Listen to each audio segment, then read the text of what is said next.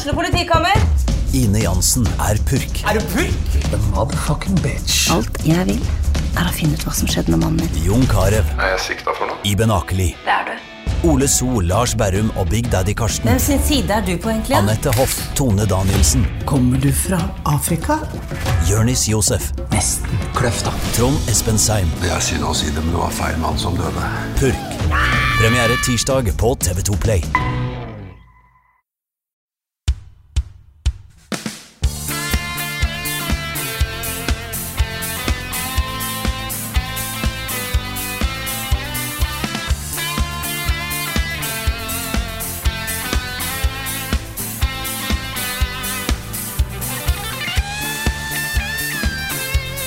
Vi her etter et godt gjennomført fireårsjubileum for Buffkitten AS. Ganske sånn midt på kaka. Det er ikke bare fordi vi hadde ei stor kake på streamen på lørdag, det er òg fordi at jeg har hatt kake til lunsj.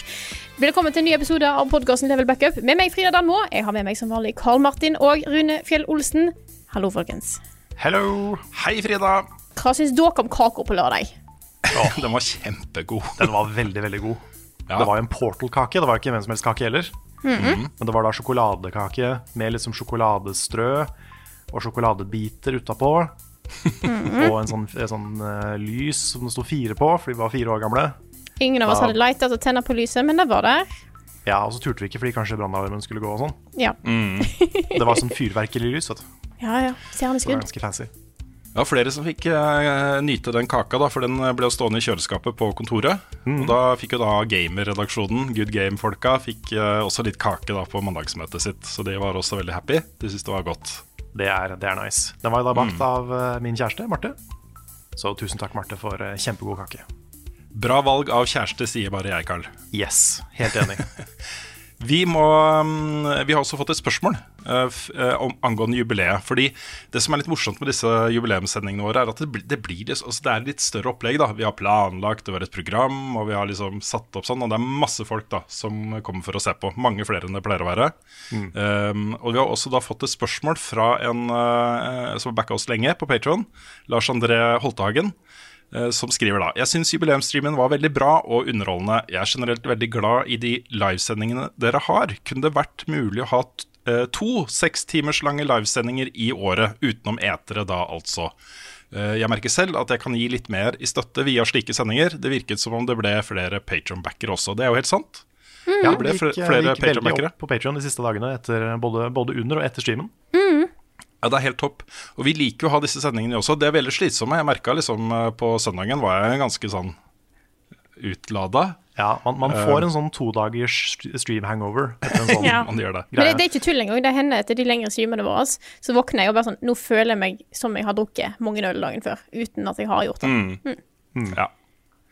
Nei, altså vi, vi, selvfølgelig, vi har lyst til å ha flere sånne streamer. Det er kjempegøy, og vi får masse igjen for det. Um, og det er Når vi starta selskapet og tenkte live, så var det litt sånn vi tenkte. Også litt mer planlagte, organiserte livesendinger. Eh, Se det mer som et TV-studio eh, hvor man har et program og ferdigproduserte innslag som skal inn under streamen og sånne ting. Um, og det som stopper oss, er egentlig fasiliteter. Fordi vi må organisere så voldsomt. Hver gang vi skal ha en sånn stream, så må vi liksom sette opp PC-er og flytte ting og finne et lokal og alt det der, liksom. Ommøblere hele gamerkontoret når ikke folk er der. Og, Ja. Eh, og tidligere så måtte vi jo bære en svær, utrolig kjip sånn og håndter, Ja. u- lite Ja, den- håndterbar PC, da. den perioden er jeg glad for at det er over. Fordi den der er Ferrari-PC-en vi fikk eh, Ja, den er utrolig kul å se på, Ja. men det er den vondeste PC-en å bære. Det er sånn glass. Eh, Du må holde i glasset, på en måte. Eller, eller den der aluminiums, er det ikke det der? Ja, sånn litt sånn skarp aluminium. Ja, Så det er bare skarpe biter på den PC-en, og du må holde i de. Så, så den var et helvete. Men eh, de nye PC-ene er litt hatt- rundere i kantene, så det er fint. Ja, runder i kantene er bra. På alle måter. Altså hvis vi, har, um, hvis vi hadde hatt et sted hvor vi bare kunne skru på kameraene, sette på mikrofonene, skru på lampene, trykke rec og stream, så hadde vi gjort det her oftere. Jeg hadde streama mye mer. Det hadde vært uh, kjempefint å bare sette ned. Jeg, jeg kunne jo sittet og streama seks timer Destiny 2, jeg. det hadde bare vært gøy. Um, eller når det kom andre ting, da, selvfølgelig. Men uh, det, er, det er det som stopper oss. Fasiliteter. Men jeg har jo tenkt litt på, da, sånn eh, for min egen del Og det var en periode som jeg trodde at jeg måtte spille Shadow the Hedgehog sju ganger til. uh, yeah. for, for å være klar til jubileet. Det slapp jeg. Men um, hvis jeg hadde måttet det, da, så kunne jo det vært en sånn liten sånn mini, eh, mini-stream. Altså en, en lang stream, men for kanskje liksom til uh, veldedighet, f.eks. Mm. Sånn Shadow the Hedgehog for charity. Eller et eller annet sånt. Um, Ja. Kunne jo kanskje vært litt gøy. Så, sånne type ting har jeg også lyst til å gjøre litt av. Mm. At Kanskje finne på noen sånne rare konsepter og så bare streame det i noen timer. Ja, det har vært kjempegøy. Jeg har lyst til å streame litt mer. Akkurat nå så er det, det, det Hos meg så er det tid. Eh, Men jeg har lyst til å få kanskje noe Få kanskje til noe i helga. Jeg får se. Ja. Kan i hvert fall garantere folk at hvis, hvis vi hadde hatt vårt eget kontor slash studio, så hadde det blitt mange flere livesendinger. Det, hadde det. Det, så, det, som er, det som er synd nå, er at vi deler kontoret med så mange andre som ikke vi kan forstyrre hele dagen. Ja. Greit, vi må videre, men jeg må først også bare plugge kjapt igjen. Det her kommer vi til å gjøre hver uke. Eh, Den 25. mars reiser vi eh, tre ned til eh, Tønsberg igjen. Tønsberg og Færder bibliotek for å ha live podkast. Det ligger et event på Facebook hvis du søker opp ja, Level Up, podkast, Tønsberg. Et eller annet, så tror jeg kanskje det blir første treff på arrangementer på Facebook. Hvor det står alt, alt av info. Det blir kjempebra. Det har vært, vi har vært der to ganger før, eller to eller tre ganger før. Og alle gangene har vært eh, kjempestemning og bra podkaster. Så jeg gleder meg veldig. Ukens hotteste. Det vi skal snakke litt om denne uka her, er jo noe som er litt i vinden igjen. Eh, det er jo nemlig VR. Nå kommer jo snart Half-Life eh, Alex. Eh, og eh, det er jo i den sammenheng problem med å få tak i Steam, eller Valve sine nye VR-headset, Valve Index. De er jo utsolgt eh, overalt. Så VR er jo på en måte Er det på vei opp igjen, folkens? Ja, så Valve sier jo selv da at Half-Life Alex er liksom et paradigmeskifte for VR. De sier det er, dette de har gått og venta på. Dette er på en måte det spillet som skal eh, vise folk hva eh, VR kan være godt for da, som spill. Og så Vi har sett masse eksempler på andre ting. At du kan sitte i en, eh, en forelesningssal eller eh, gå på kino eller um, mm. masse, masse sanne greier. Det er mange gode spill også. Ja, ja, men det, det å utforske VR-spill nå, det er litt som å utforske Dreams. ja, nettopp. Ja. At det er, mye, det er veldig mange kule konsepter og mye kult som skjer, men det er ikke så stort ennå. Det, er sånn, det, det mangler fortsatt de svære killer app-tinga, ikke sant? Og du nevnte at det er problemer med å få tak i da Valve Index. Um, det er annet har jeg erfart da, eh, via Twitter, eh, fordi den ikke selges i Norge. Ja. du måtte visst ha et svensk kredittkort for å kunne kjøpe, faktisk kjøpe den. Um, og så er det jo også sånn da at eh, når, når man sier den er utstolt overalt, så betyr ikke det at det er solgt mange millioner eksemplarer av den. Det er snakk om noen få hundre tusen som er produsert da, av den. Så den er ikke i masseproduksjon ennå. Dette er for eh, early adopters og sånne ting. da. Men Half-Life Alyx kan jo spilles med alle PC-VR-headsets som finnes på markedet. Så det mange spør seg nå, da, det er ok, jeg får ikke tak i en indeks, men jeg har lyst på VR-headset, hvilket skal jeg kjøpe? Og da er det sånn at eh, nå i dag når vi sitter her, så øh, annonseres det ut nye VR-headsets fra HTC som jo tidligere samarbeidet med Valve om, eh, om VR-headset. Um, og I den forbindelse så fikk vi også muligheten til å gjøre da, et eh, lite intervju med han som er europasjef for HTC, for å spørre litt om, um, om hvordan de tenker på VR og sånne ting. Um, og et av disse headsetene, den heter da Vive Cosmos Elite. Den er, eh, har full integrasjon med alle Valves eh, peripherals, altså tilleggsutstyr til VR. Eh, stream tracking eh, og disse padlene som eh, Valve har laga for, eh, for styring. Så den er også Det seiler inn da en, et nytt VR-headset som et naturlig valg for folk som har lyst til å spille eh, Half-Life Alyx. Mm. og det er litt interessant. Så nå blir jo dette her litt sånn vinkla mot HTC Vive, siden vi har fått eh, dette intervjuet og det kommer denne store nyheten med nye eh, VR-headsets og sånne ting. Så dere får eh, ha oss unnskyldt for at det blir litt fokusert på det. Men poenget mitt er jo rett og slett bare det at hvis du vil spille Half-Life Alyx, så kan du sitte med en Oculus Quest til og med. Og så du kan, alle de VR-headsetene som har kommet eh, til PC, kan brukes. Så, så du har et ganske stort spekter der. Eh, men det som er HTC sin ting, da, etter at de forlot samarbeidet med Valve, er jo at de har utvikla et konsept hvor eh, de sier at ok, eh, det er en sånn krangling om folk eh, tror eh, AR eller VR blir det store. Og de har nå laga et eh, VR-headset som er begge deler. Også den har utskiftbar frontplate hvor du kan sette på utgående kameraer, som betyr at du også kan bruke det som et AR-headset. Det er stilig. Ja, det er faktisk veldig interessant, altså. Ja, for det trodde jeg var på Vive. For det, det er jo to sånne øyne på, på Vive-headsetet. Mm. Men de, i hvert fall så vidt jeg vet, da, så kan, så kan ikke de brukes til noe.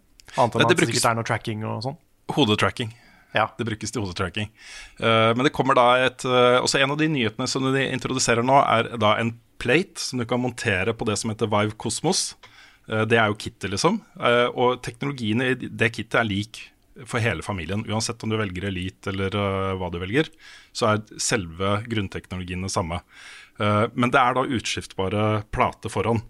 Uh, og det kommer da en ny frontplate i år som heter Vive Cosmos XR. Og det er da to frontkameraer pluss tracking-kameraer. Så du har fire, det ser jo skikkelig spesa ut, fire sånne kameraer som vender ut fra et VR-headset.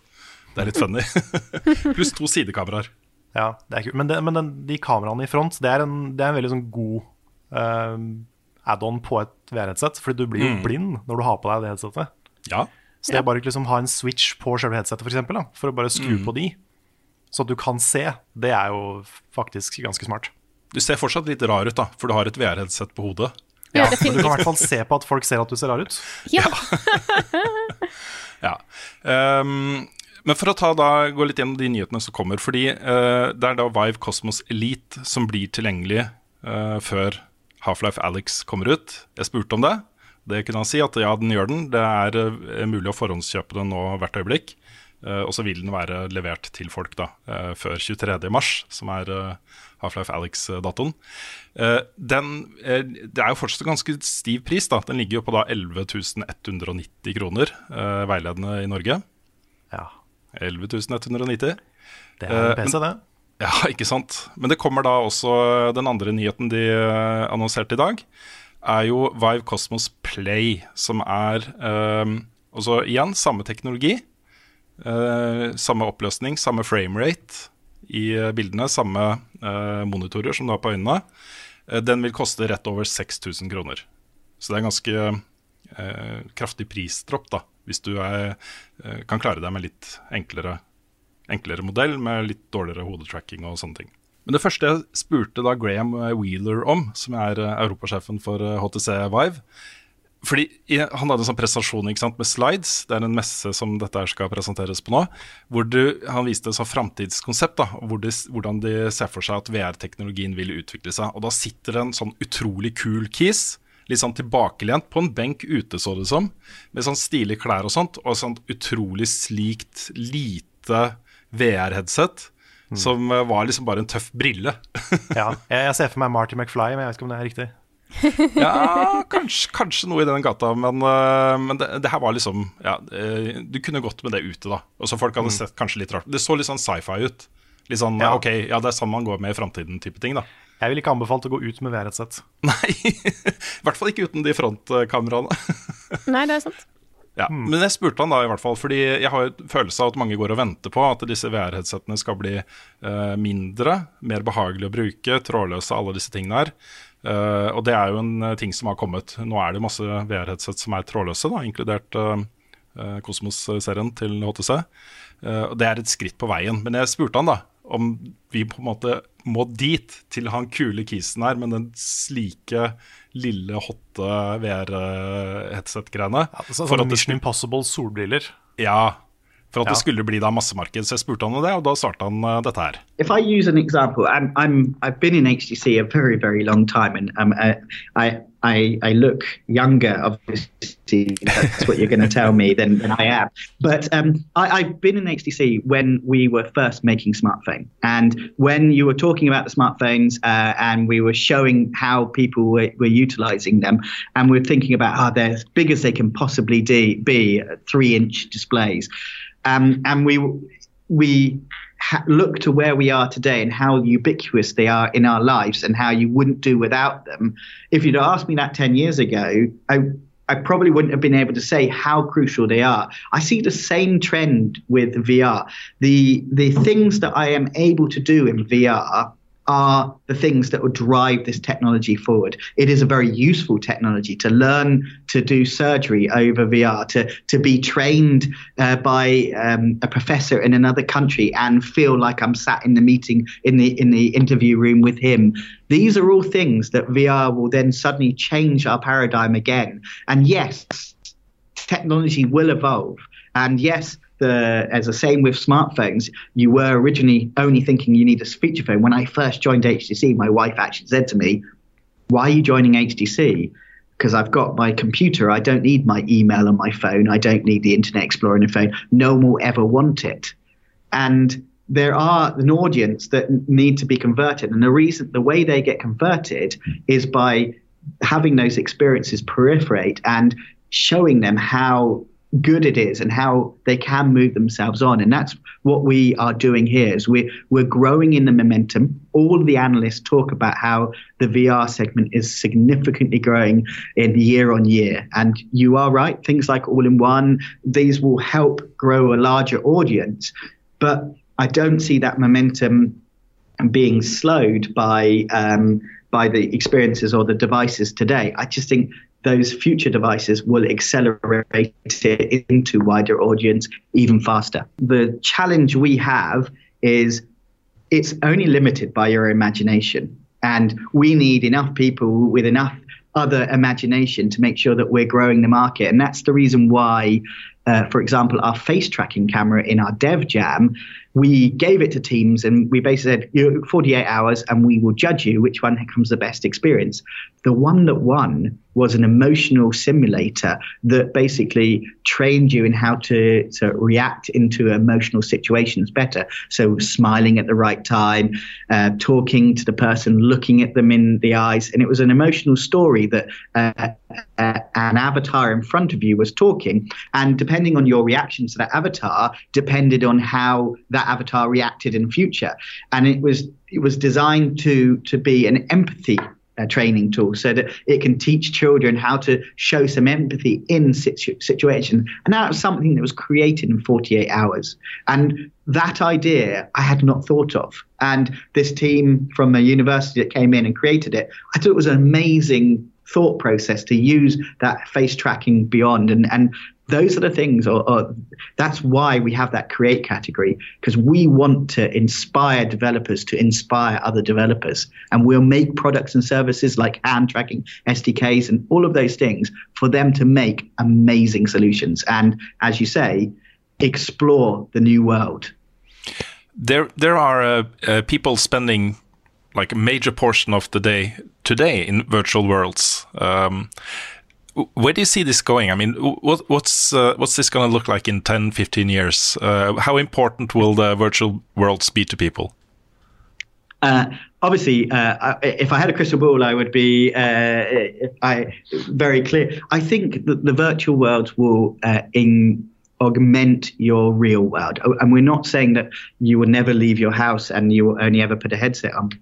We believe that with this technology, we can inspire and develop and improve your living experience. That's the goal of HTC, and it's always been our uh, our aim. The Vive brand is actually its ethos is about um, unleashing your imagination, and that's what we want to do. So uh, we expect people to to use it in in mixed realities and have the ability to go from VR, not VR. Uh, uh, and we expect it to be uh, to be across that virtuality continuum, and that's that's the point of our starting point. We want to make sure that people uh, don't have a one size fit all. We, we that's a very key thing for HTC. We, we want to make products and services that support people in a multiple range, and it, and it isn't just here is our Cosmos, and that's definitely the right one for you. We will have different families. We have the Cosmos series for the adaptability. We have our Focus series, which is an all-in-one, and we have our Pro series, which is for more professional and business users uh, and prosumers that really want to make sure they have the best. So we are making products and services that cover across the range, and we expect that uh, that will help us in the growth of VR going forward. I guess like a major concern for VR is that people don't really understand why they need one. Uh, what would you say? Why do people need uh, VR? Um, I think that uh, actually, uh, I think we're we're beyond that in terms of uh, if you look at uh, a good example in the business side with the car showroom and the ability to to to stop you having the uh, multiple models. So it, it definitely has a return on investment within the enterprise side, but the experiences that you go on the other side within consumer are, are, are just tremendous. I mean, I myself have learned to um, drive a car properly within uh, up a, a, a, a course, uh, and there's some just uh, a very exciting theatrical uh, experience that you can do within uh, um, a show that is available in London, where you you just you couldn't do the same things in real reality. For example, these aliens blow up London and, and all of those things. So it's the experiences that you see. I think when people use it, if you, uh, for example, um, I went to the Louvre the other day, and um, it's an amazing show in the Louvre with the uh, Picasso e- exhibition. And you walk around, and you don't get the ability to get up close and personal with the experience uh, of some of the paintings. However, at the end of the Louvre is a VR experience, which shows you how good it is seeing the Mona Lisa, understanding some details, seeing the Looking behind it.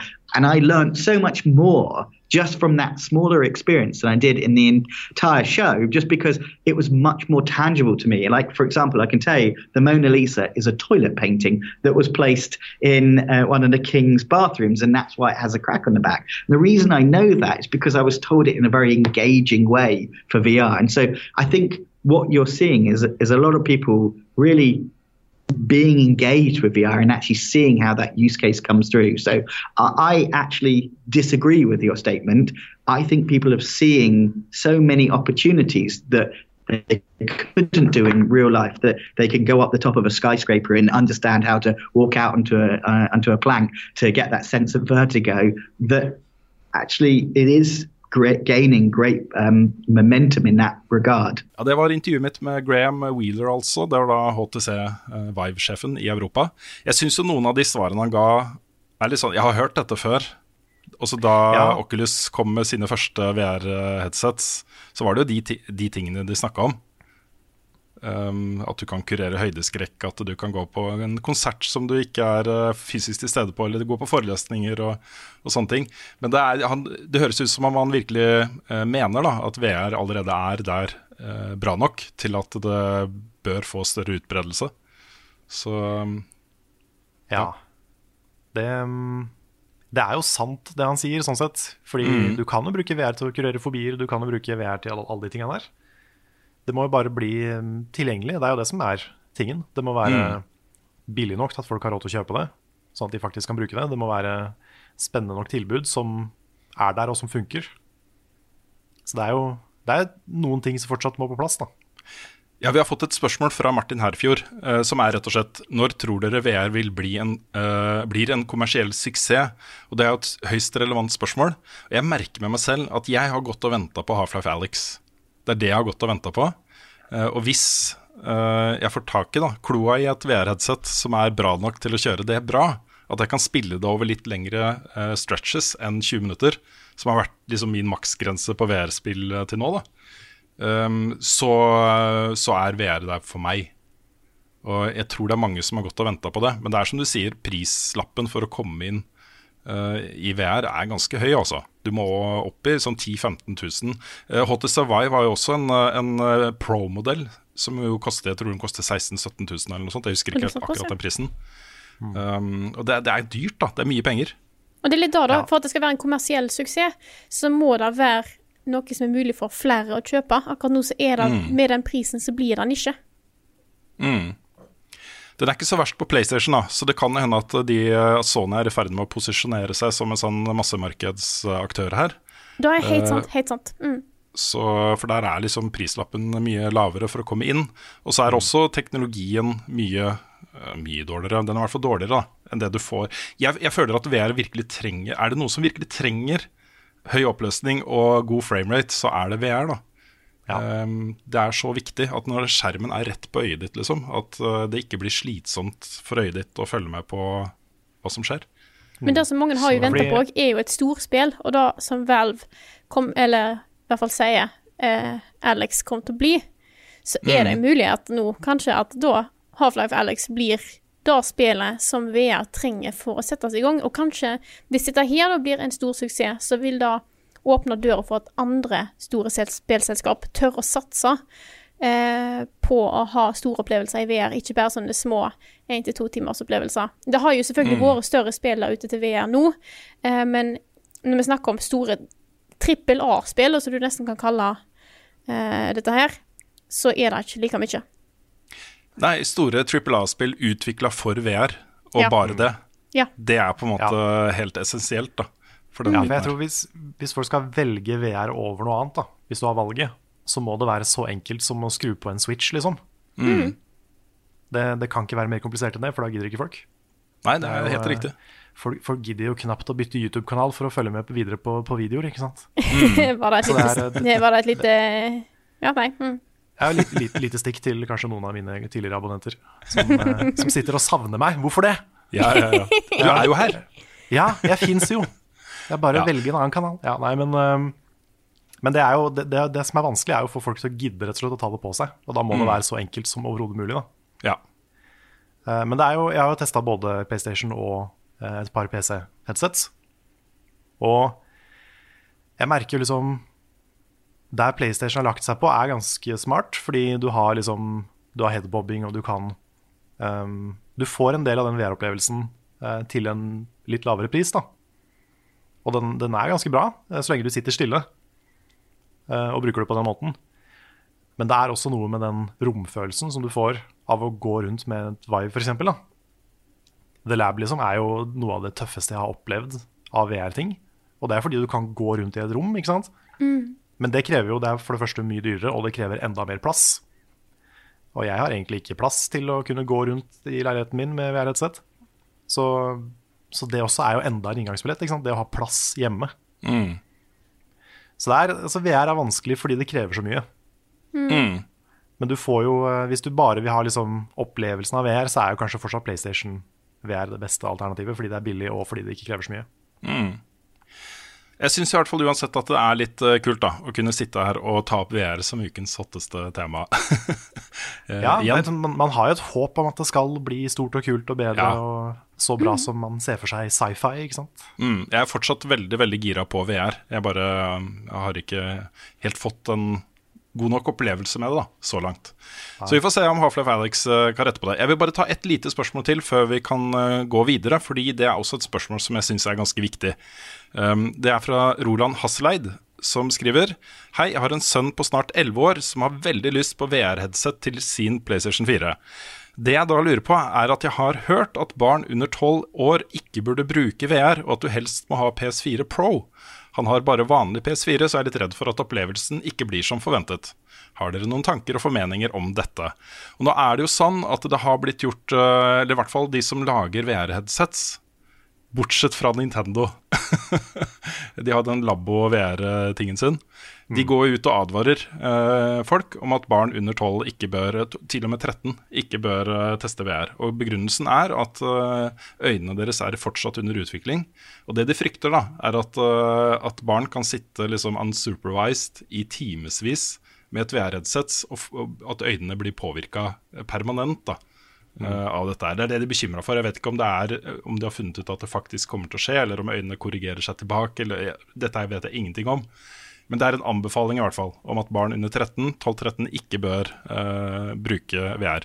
Jeg tror nok de kan sitte i 10 minutter, 15 minutter om gangen med noen timers pauser og, eh, og sånt, uten at det er noe problem. Men jeg, det er et relevant spørsmål for meg også. Jeg vil ikke at mine barn skal eh, bruke VR før de er over 13. Nei. Nei, Nå er jo ikke er- noen av oss eh, leger eller øyespesialister, Nei. så ta og hør på anbefalingene her, her eh, egentlig heller enn det vi eventuelt ville sagt, vil jeg si. Så, Mm. Men det er, det er en ting jeg har tenkt litt på, det med, fordi når du har på deg et VR-headset, så fokuserer øynene bare rett foran deg. Uansett om det er dybde i bildet og sånn. Så jeg, jeg vet ikke om liksom, hva gjør det med øynene, da? Det at du alltid må fokusere en rett foran deg istedenfor å fokusere på en ting som er langt unna. ting som er, altså, Selv om du, du har simulert dybde, så er det jo ikke dybde der. Nei, skjermen er bokstavelig talt noen eh, millimeter fra øyet ditt. Ja, så jeg, det, jeg vet ikke. Er det, er det skummelt? Er det, er det dumt å sitte lenge med det? Jeg vet ikke. det er et godt spørsmål. Der, eh, der er det jo Jeg vil tippe at det er en del forskning allerede på det å Ja. sitte og se mye på mobil, på, på, eh, på PC-skjermer, som òg er ganske nærme. Så der finnes det helt sikkert forskning, så hvis en er interessert, så er det nok bare å søke litt opp der. Eh, Stol på ekspertene, ja, Ja, de som kan dette her. Men Ja. eh, PlayStation Pro versus eh, vanlig Jeg kjører, har jo kjørt eh, Beat Saber på min vanlige PlayStation, og det har gått fint. Men det er Beat Saber. Kan ikke Ja. si noe om noe annet. Nei. Jeg mener, jeg, også, jeg mener det var litt bedre framerate på Pro-en. Det er jo naturlig. Ja, det er anbefalt. Uh, ja. At det, det er sagt også fra Sonys side at det funker bedre på Pro. Men uh, om det er voldsomt stor forskjell, det vet jeg ikke. Ta og Sjekk deg litt opp, det er mitt tips.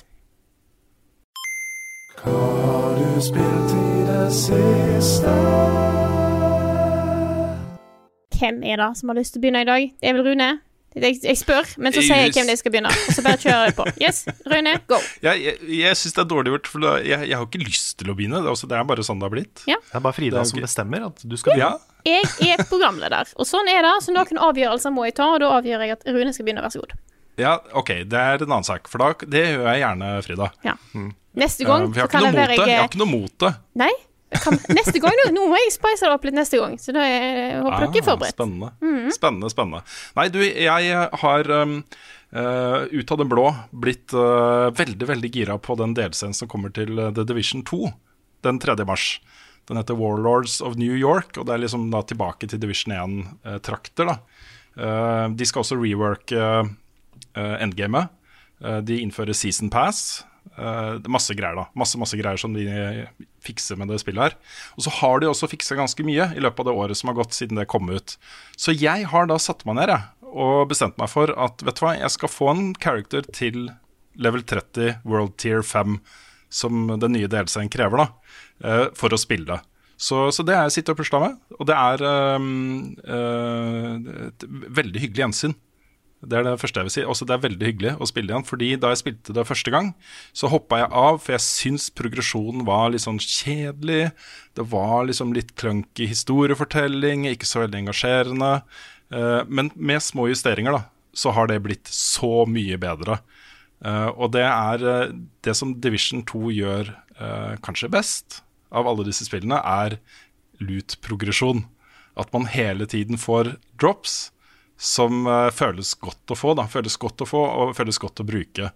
Eh, så det er, er ikke mer enn på level 18 eller noe sånt nå. Jeg har fortsatt litt igjen.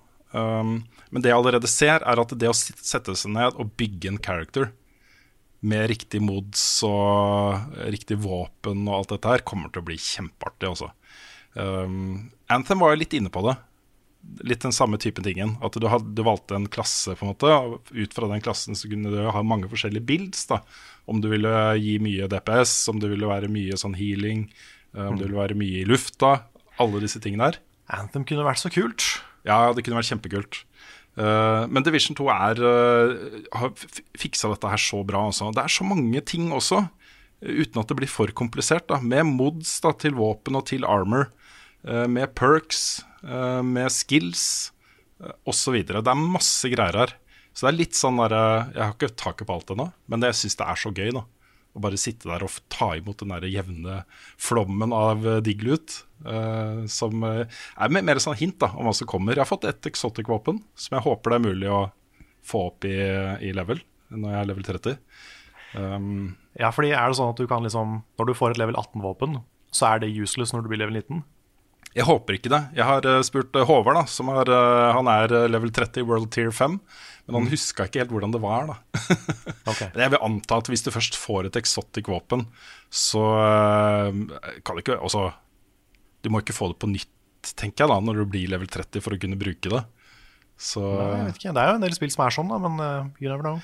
Ja, jeg mener å huske at i Division 1 Nei, nå er det mulig jeg husker feil også. Men du kunne få blueprinten til våpen du dismantler. Sånn at du kunne bygge de på nytt, da. Uh, med da riktig level. Og jeg mener også å huske at det man gjorde, brukte det til, var å få litt nye perks på armor og sånt også. at man kunne bygge opp ar armoren igjen, da, og få Det her er mulig at jeg har drømt det. At det var en sånn feberfantasi jeg hadde en eller annen gang. Er- Jeg har et vagt minne om at eh, det var noe sånt. da så, Men det våpenet er bare kjempedigg å bruke, så jeg har lyst til å beholde det. Det er, nå tviholder jeg på det. Det er level 12 eller noe sånt, og jeg er jo level eh, 17-18. Men det, er, det har så god damage eh, output og alt det der, og så digg å bruke, så jeg bruker det fortsatt. Selv om eh, det er la, mye lavere level enn de andre våpnene jeg får. da Men det er, eh, det er gøy å spille. Det er eh, litt sånn samey oppdrag. Du kommer inn i et rom, og så er det masse cover, og så du vet hva som kommer til å skje. Plutselig går døra opp på andre enden av rommet, og det stormer ut masse fiender. Eh, Det er fortsatt sånn at det som regel er en eller to elites i disse wavene, som er skikkelig tanks. Du må pøse mye damage eh, inn i dem, særlig de boss-typene. Men det er digg, altså. Og jeg gleder meg nå skikkelig til å sette meg ned med Warlords. Jeg tror det kan bli en, eh, en herlig opplevelse. Så um, Jeg fikk jo aldri anmeldt Division 2 da det kom ut, fordi jeg ikke orka å spille ferdig. Men uh, ny mulighet. Ny mulighet til å ta en titt da på, på det spillet her, og det syns jeg det fortjener. For det er, nå er det skikkelig strømlinjeforma, altså. Ordentlig digg å bruke. Og det er, har jo vært, jeg vet ikke om det fortsatt er, veldig bra tilbud på det på Uplay også. Det har kosta sånn type ja, par hundre kroner, tror jeg, for alt som har kommet ut. Kanskje til og med mindre enn det. Jeg husker ikke helt. Det er 29 kroner, kan det stemme? Kan det stemme? Det syns jeg så noen Dramatisk. ja, jeg synes jeg så noen si at man kunne kjøpe liksom, det spillet for 29 kroner på Uplay. Så, Men det er vel subscription på det, er det ikke det? Nei, nei, nei. Det er men det er season pass, da. Ah, ok. Så det har kommet tre episoder med story content uh, siden lansering, som er inkludert da i Season Pass. Og så kommer jo da um, uh, sånn Battle Pass, uh, blir mer riktig å si. Og så med liksom masse levels, og så får du rewards per level etter hvert som du har progresjon. da Eh, Det introduseres da en ukes tid etter Warlords of New York. Da blir det sånn tre måneders sesonger på, på det spillet. Så ja, to tomler opp til Ubisoft på den der. Jeg syns de har snudd greia veldig godt der. Det er gøy å spille nå. Så dette gleder jeg meg til å fortsette på. Ja, kult. Skal jeg, eh, skal jeg fortsette? Nå har jeg allerede begynt å shake opp ting her. Det er helt Ok, ja, kjør på. Yes. Eh, jeg har jo ikke vært med i denne podkasten her på to uker nå. Eh, så jeg har ikke fått snakke om noe som jeg spilte på stream først. Eh, og så har jeg spilt litt i etterkant. Og da er nemlig The Witcher 3. Jeg har begynt. Kult. Nå har jeg kasta meg ut i det. Jeg innså at det var på tide. Jeg har jo sagt en stund at nei, jeg kan ikke Jeg har ikke tid til ting. Jeg har bl.a. ikke tid til Sekiro, til topplista mi, så derfor satte jeg meg heller ned med Witcher 3. Som heller er, Ja. ikke- er jo ikke spesielt langt. Eh, Nei, men nå ja, har det jeg er, tar det på en kveld. ja, nå har, jeg, eh, nå har jeg begynt. Jeg er ti timer inn i spillet. Jeg har gjort altfor mange sidequest og spilt mye Gwent. Så jeg føler jeg får liksom hele den Witcher 3-opplevelsen nå. Eh, så jeg skal ta Jeg spiller det litt sånn innimellom. Nå blir det en liten pause nå, for nå skal jeg prøve å faktisk få jobbe litt med den topp ti-lista og få den ferdig. Men jeg har begynt på Witcher 3. Jeg skjønner hvorfor folk syns det er eh, Hvorfor folk syns det er gøy. Så da har jeg sagt. Så snart blir jeg òg en av de som kommer til å mase på dere to. om å Ja. Witcher 3. Jeg håper dere er klare for dette. Nei, jeg eh, det er, det er gøy å faktisk få endelig få spilt, da. Eh, og så håper jeg at det ikke, ikke blir sånn at nå måtte jeg ta tar jeg en liten Litt breaks innimellom for å få ferdig videoen, og så kommer det andre ting. For det kommer så utrolig mange ting i mars som jeg har lyst til å spille. Ori og Animal Crossing. Og, men jeg har lyst til å faktisk få kommet inn i det og faktisk spilt det nå. Eh, og så så jeg at det har jo dukka opp eh, Det er en liten new, news. Det kan jo være du har tenkt å ha den senere, men jeg tar den likevel, Rune. Nå er det jo kommet cross-saves til Switch på Witcher 3. ja. Og da er litt Nice. kult. Det er kult. Da kan du ta med, deg, ta med deg saven. Ja. Ja, for jeg, det var ikke sånn at det var sømløst etter det jeg fikk med. Da måtte man laste ned saven fra PC og laste den opp via minnekortet eller noe sånt til Switchen. Var det ikke sånn det var? Å, er det såpass? Det kan være. Jeg, jeg husker ikke helt, det. Jeg, trodde, nei, jeg har sett at folk har sagt at det funker ganske bra. Ok. Eh, men det kan jo være det var knotete, men så funker det. Eh, men det er jo i hvert fall Det finnes, da. Eh, jeg vet ikke om jeg kommer til å kjøpe det på nytt på Switch for å kunne ta det med meg, men det er kult at muligheten er der. Eh, Mm. Så eh, tommel opp til den, den eh, hidden gemmen eh, The Witcher 3. Eh, Hidden gem, ja. ja, ja. Eh, men jeg, kan ta, jeg har spilt noe annet. eh, noe som du anbefalte meg, Rune, for noen uker siden. Eh, nå har jeg endelig fått testa det et par timer i går. Da er et, sånn som det står her, fast-paced free-moving rogelight-plattformer som heter Scourgebringer. Det er i early access nå på Steam, eh, og det er veldig sånn altså det er pikselert indie, litt sånn blått og rosa og svart stil på det, som veldig mange andre sånne type spill har. Men det har en veldig kul combat-stil. Eh, for dette er jo en rogelight. Eh, du kommer i et prosedyrisk generert område, en slags dungeon med mange ulike rom attmed hverandre, der det er fiender. Du tar ut fiendene, eh, finner bossrommet, tar ut bossen, kommer til neste område. Eh, og så gjør du dette helt til du dør. Da kan du bruke experience du har fått, til å gi deg permanente oppgraderinger, og så må du begynne på nytt. Så Det høres veldig ut som Dead Cells.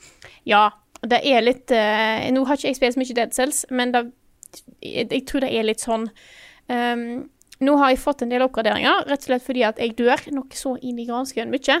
Fordi at jeg er jo ikke god eh, i dette her, føler jeg. Jeg er jo ikke helt eh, Rogelight har jeg spilt litt lite. Mitt eh, nyligste møte med det var jo Children of Morta. Eh, der hadde du en sånn at hvis du på en måte klarte et område, eh, eller et større område, så var på en måte da cleared, og så gikk du videre i historien. Eh, da er det jo ikke her. Og da innser jeg at ikke nødvendigvis er helt min type gameplay, men combaten er definitivt da. Eh, det er veldig sånn du måtte, kan hoppe, klatre på vegger, dashe, eh, ha to ulike eh, et, måtte, et kjapt angrep og et sterkere angrep som du kan bruke til å stønne fiender. Og dette er så free moving, sånn som de sier, at du trenger nesten ikke være nede i bakken engang. Du kan bare dashe rundt omkring, angripe, dashe inn i nye fiender, angripe deg, og så fere rundt sånn uten å egentlig stoppe opp. Så det er veldig, veldig kult, veldig eh, actionfylt sånn sett. Men det er den derre eh, Hvis jeg dør på andre brett, så må jeg begynne på nytt igjen. Mm. Selv om jeg er sterkere, så det går jo for, fortere. Men det er litt den derre den, den er ikke helt for meg, merker jeg. Nei, jeg kjenner den, den Rogalight-stilen, da. Den kan funke for meg. Den har funka for meg i Rogue Legacy og Dead Cells, blant annet. -hmm. og Binding of Isaac har jeg spilt mye. Men spillet må være bra nok, på en måte. Det må være gøy nok minutt for minutt til at jeg skal gidde å spille level 1 så mange ganger, da. Og det er jo ofte litt sånn hit and miss. Men, men de spillene som gjør det ordentlig bra, da, da plager de meg ikke. Jeg føler en av tingene som jeg eh, syns er dumt er Altså, det går jo fortere nå når jeg har fått litt upgrades jeg har fått en bedre gun og litt sånne ting. Eh, men det er litt da at du kan ikke bare suse gjennom første level.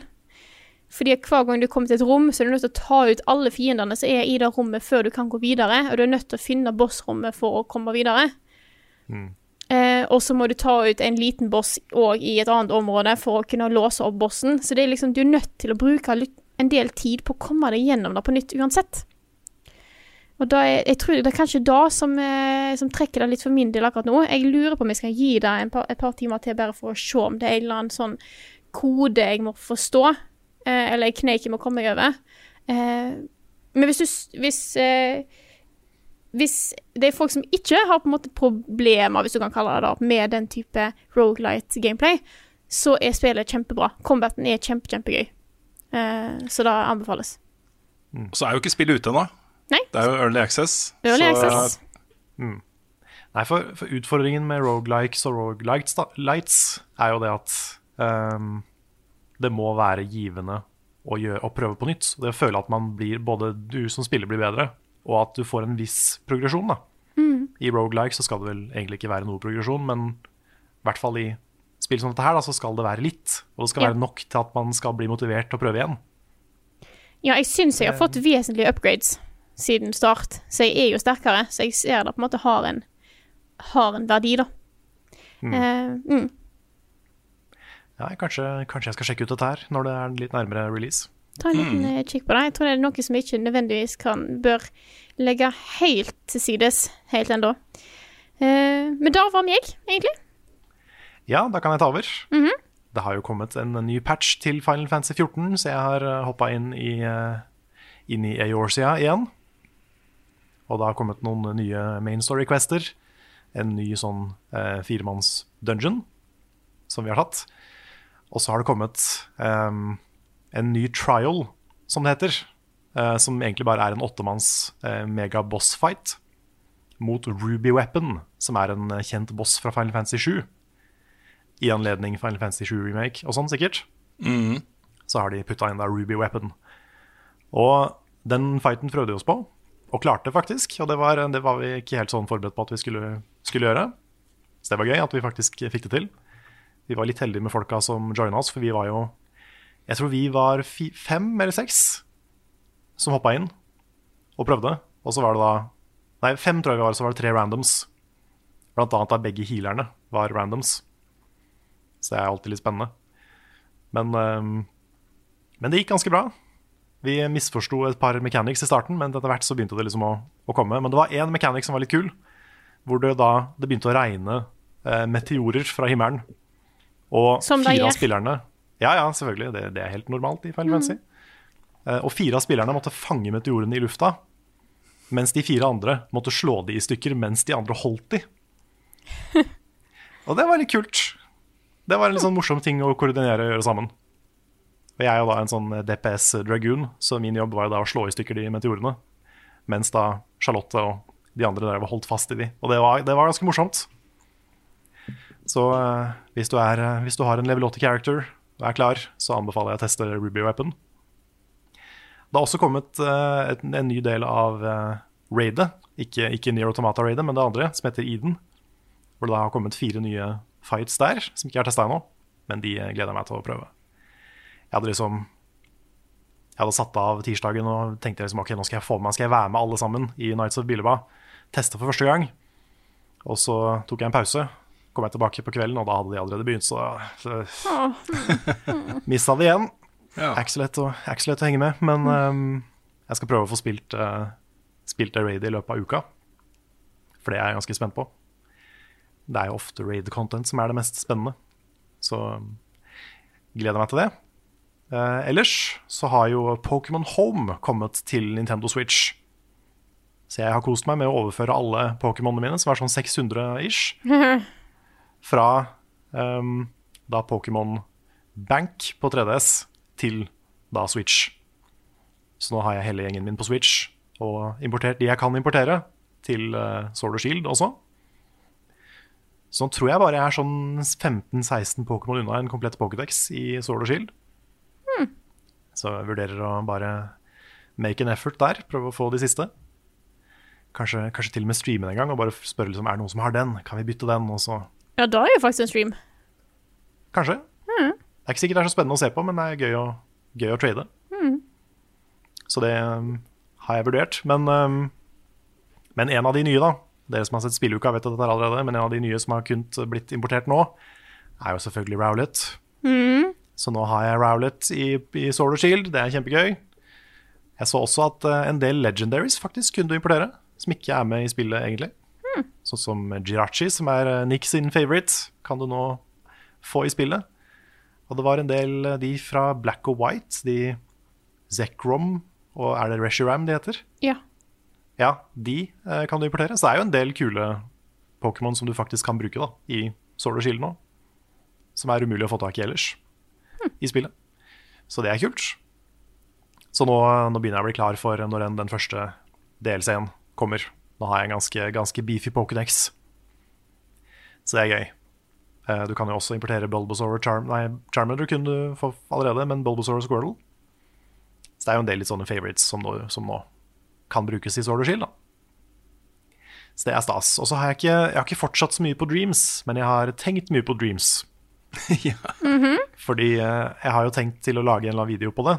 Det blir nok ikke en tradisjonell anmeldelse, men jeg har lyst til å lage noe. Hvor jeg går gjennom liksom hva, hva Dreams er for noe, hva du kan få tak i der, hva du kan teste, hva du kan lage. Og jeg har litt sånn Jeg har litt prestasjonsangst for å åpne den editoren. Ja. Jeg vet ikke hvor komplisert det er, jeg vet ikke hvor lang tid det kommer til å ta, men jeg har lyst til å lage noe før jeg liksom lager en video på det. da. Og jeg så det, var, det har vært forslag om Magnus i Furua, det er en veldig god idé. Jeg har en følelse av at det er litt ambisiøst for første, første spill. Men jeg har lyst til å prøve, da. Å modellere en Max Mekker. Og lage et Max Mekker-plattformspill. Så det er det første jeg kommer til å prøve på. Jeg aner ikke hvor komplisert det er. Jeg har ikke åpna den editoren ennå engang. Jeg har ikke turt. Men, eh, men jeg skal prøve på det. Og hvis, hvis det blir for ambisiøst, så må jeg finne på noe annet. Men eh, det er drømmen. Du vet. Lage, lage Max Mekker the Platformer. Ja, det var da. Lars Aasen Stranden som spurte om ikke vi kunne lage Magnus i Furua. Og det er jo da Ja. et spill, et fiktivt spill fra vår fiktive reality-serie eh, 71 grader Noscope, scope, on the beach. Lars sitt barndomsspill. Ja. Hæ? Fiktive om, eh, serie? Hva er det du sier, Rune? Nei, det er helt ekte, alt det som foregår i Noscope. ja, ja, ja. Men det kan jo være, hvis, hvis ikke du har lyst til å lage det, Karen, så kan det være en oppfordring til uh, lytterne og seerne våre, da. Ja, altså hvis noen, hvis noen enten i Dreams eller i noe annet lager Magnus i Furua, Ja. kan du banne på at vi skal spille det på stream, altså. Å Å ja. ja. Det, så det er bare, hvis det er noen, hvis det er noen spilldesignere der ute, så bare go ahead. Ja, Du har jo et uh, utrolig bra sånn eh, designdokument også tilgjengelig da, i denne episoden hvor eh, Lars snakker om Magnus i Furua. Ja, det er nesten et par minutter hvor han sitter og prater Ja. om hva Magnus i Furua er for noe.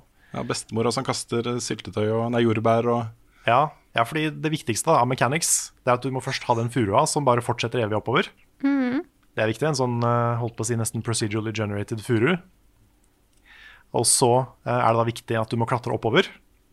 Eh, og du må ha et staminameter som fyller seg opp via da maten som farmor kaster til deg fra sida. Som du må få tak i. Ja, som du må få tak i, og da kan du klatre høyere. Men tingen er at du må også bli større, for du, du blir jo tjukkere jo mer mat du spiser. Så modellen må liksom ese utover, på en måte. Bli større og større. uh, og så, etter hvert, da, så blir jo det også tungt. Så selv om staminaen din blir full, så må jo staminaen også bli lavere etter hvert. Fordi at det blir tyngre og tyngre å klatre. Og til slutt da, så må du klatre så høyt og bli så svær at du ikke klarer mer. Og da får du slutten på spillet hvor du blir spist av farmor. Og det er ganske Spoiler. mange mechanics for å få til det. Ja. Så det er, ikke, det er ikke et lett spill å lage det her. Og så er det vel også, du må balansere, for hvis du på en måte spiser for mye, sånn staminameteret ditt er fullt, og så bare fortsetter du å spise den, så blir du for stor for fort. Så da kommer du ikke så langt. Ja. Så her er det en veldig fin balanse, da. Ja, ikke sant? For du må, du, det blir taktisk, ikke sant? Ja, og så er det ulike ting som du må jo tenke hvor mye som mat skal du ta. Ja, og så spørs det hva mat, for noe mat fyller meteret mer, sant. Så det er det kanskje Ja. bedre å hoppe over den stabelen med pannekaker og heller ta jordbæret, sant. Ikke sant? Ikke sant? Mm. Ja, kanskje det er noe sunn mat som er den beste maten. Men bare innimellom. Og så må du av, for av og til, hvis du har veldig lite stamina, så er det bra å ta en stabel pannekaker, sant. Dette er, Så her har vi litt eh, Dette er bare ideer. Eh, Her er det mye Ja, å spinne videre risk på. reward, ikke sant? Dette er, dette er game design. Ja, ja. Ja, nei, Hvis noen tar den utfordringa, så uh, godspeed.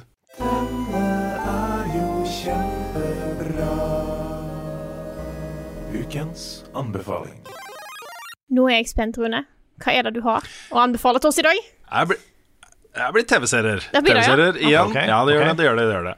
Jeg bare først nevner kjapt at jeg har begynt å se opp igjen Hannibal.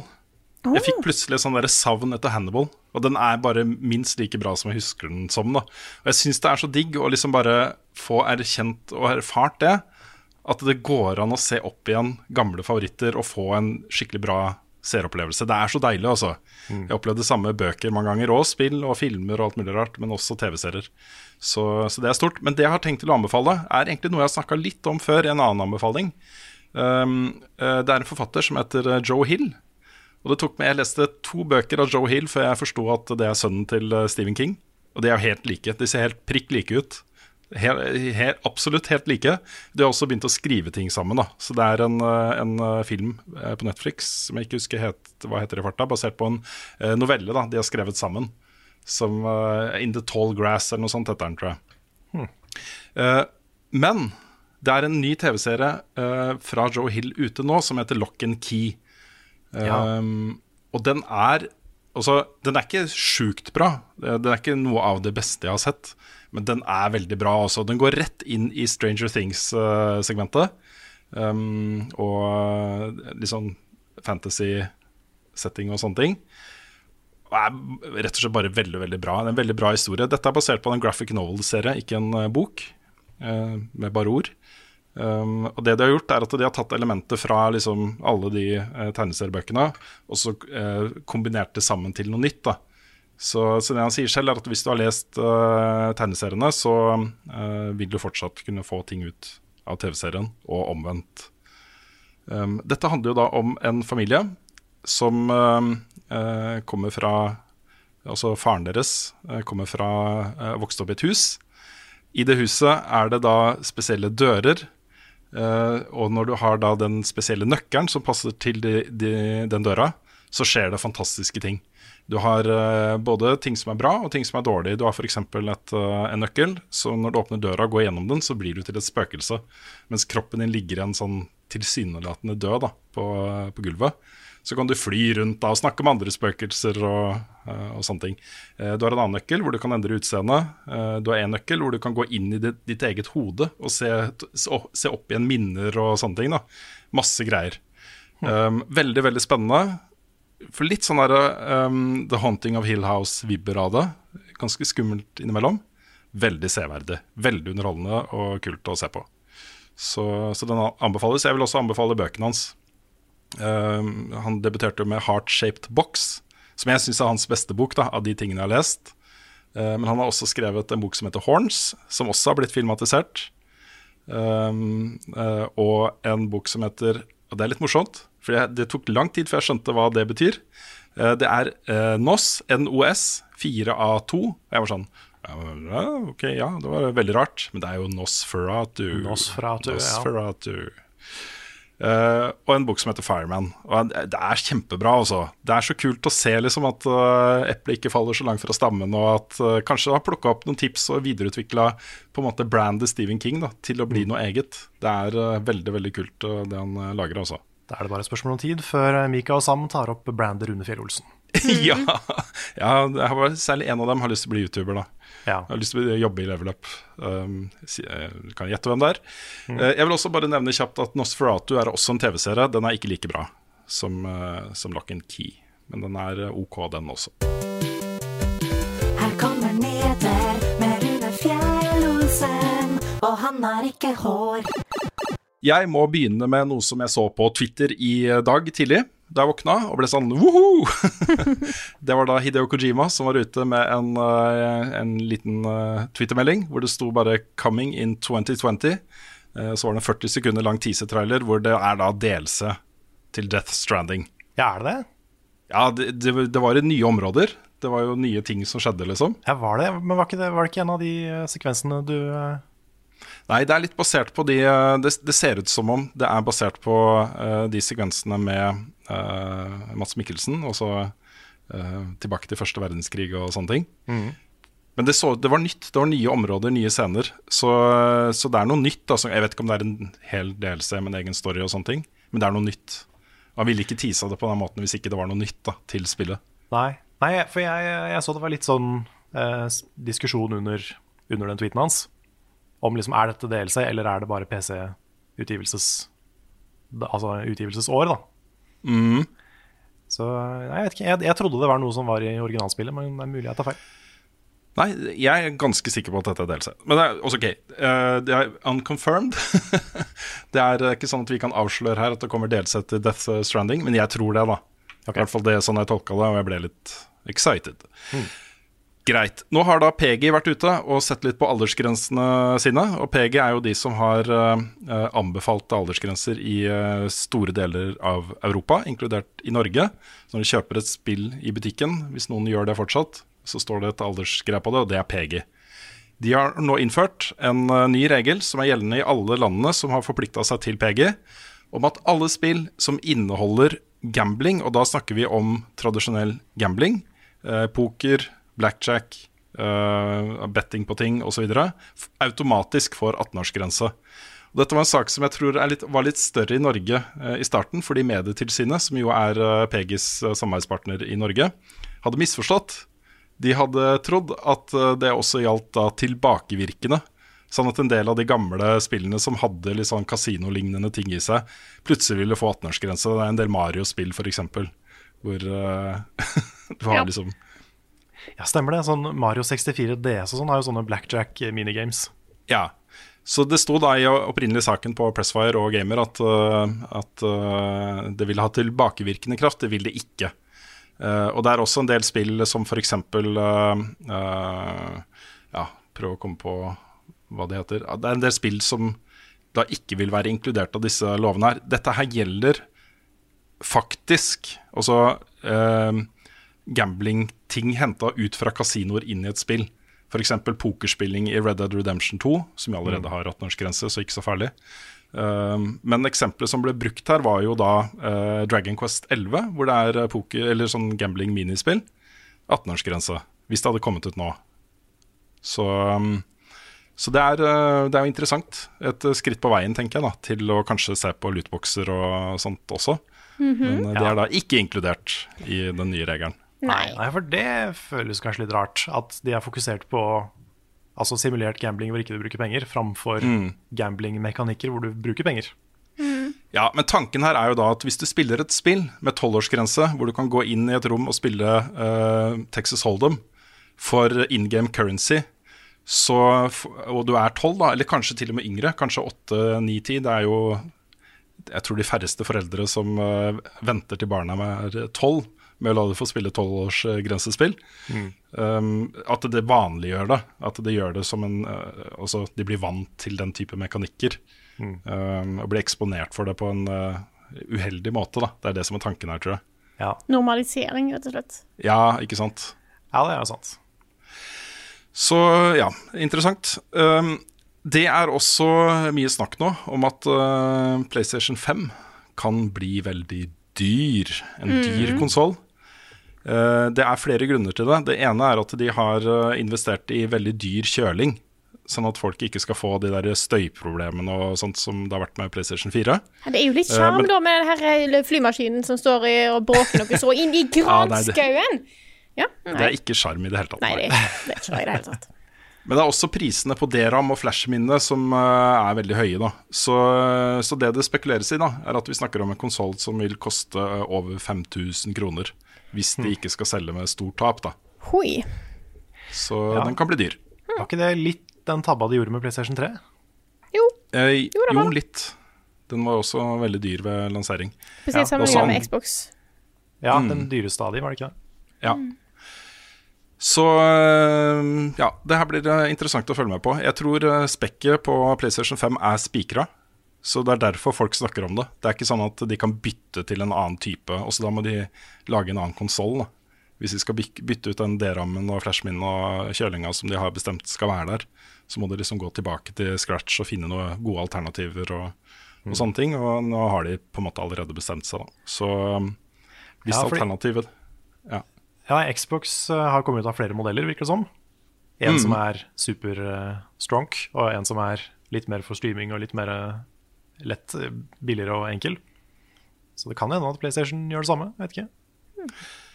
Ja, det er ingenting som tyder på det ennå, men eh, Nei. kanskje. Så vi får se. Det har også kommet en ny oppdatering til No Man's Sky. Jeg skal bare nevne det veldig kjapt, for den er litt funky. Den heter Living Ships. Og det du kan gjøre der, er å finne sånne void eggs, og så kan, de, kan du gro de til å bli et romskip.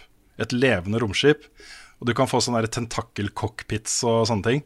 Wow. Eh, det er veldig tøft å se på, altså. Eh, samtidig så er det også innført en del sånn Du kan gjøre mer når det er in space.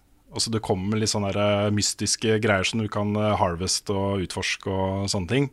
Som er liksom knytta til disse nye skipene. Så, så det er en spennende liten update. De sier også at det vil komme flere og mindre oppdateringer til spillet nå framover. Nå har de jo kommet med noen svære, svære oppdateringer med masse nytt. Eh, det vil det bli mindre av framover. Mer av dette, da.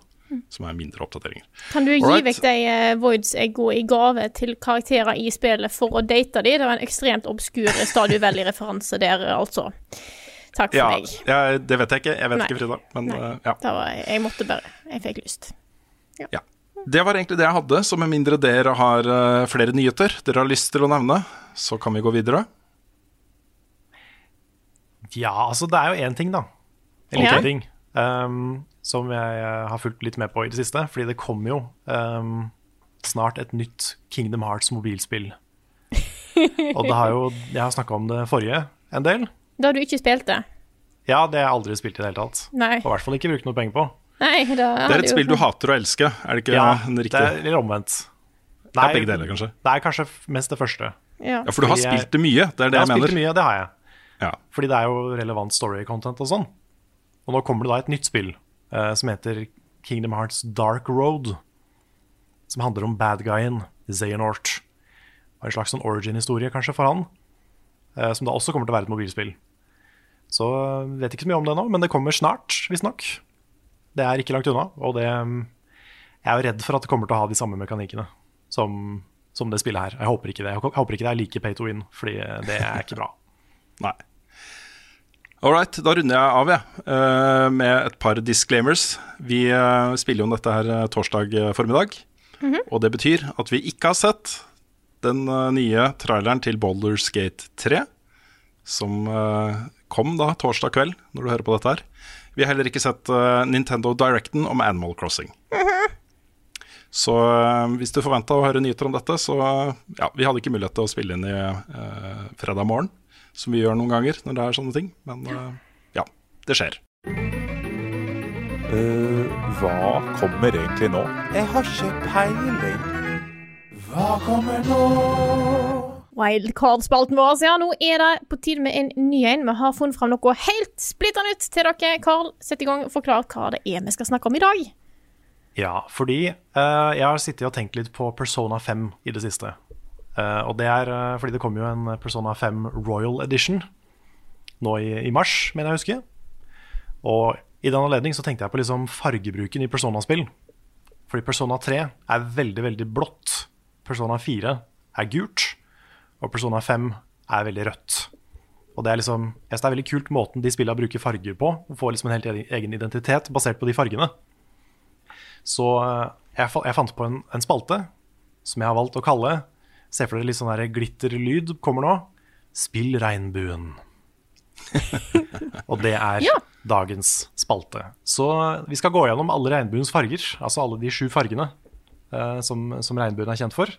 Vet ikke hvorfor de har bestemt seg for å, for å dytte inn to lilla farger i regnbuen, men det har de da valgt å gjøre. Det er Ja, fordi så- det er to veldig spesifikke um, farger når det kommer til bølgelengde. Det er en uh, sånn type ting. ting. Mm. Men det gjorde det veldig vanskelig for oss i dag. ja, to lilla farger er vanskelig. Det er vanskelig. Men vi, vi kan jo begynne med da rød, den første fargen i regnbuen. Hva, hvilket spill tenker vi på når vi, når vi, hører, eller når vi, når vi tenker på fargen rød? Jeg må jo ta en som, eh, som slo meg, meg sånn som han sikkert slo deg, eh, Carl. Persona 5 er jo veldig rødt. Ja, det er jo det riktige svaret.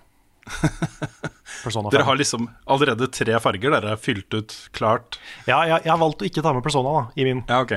Ja.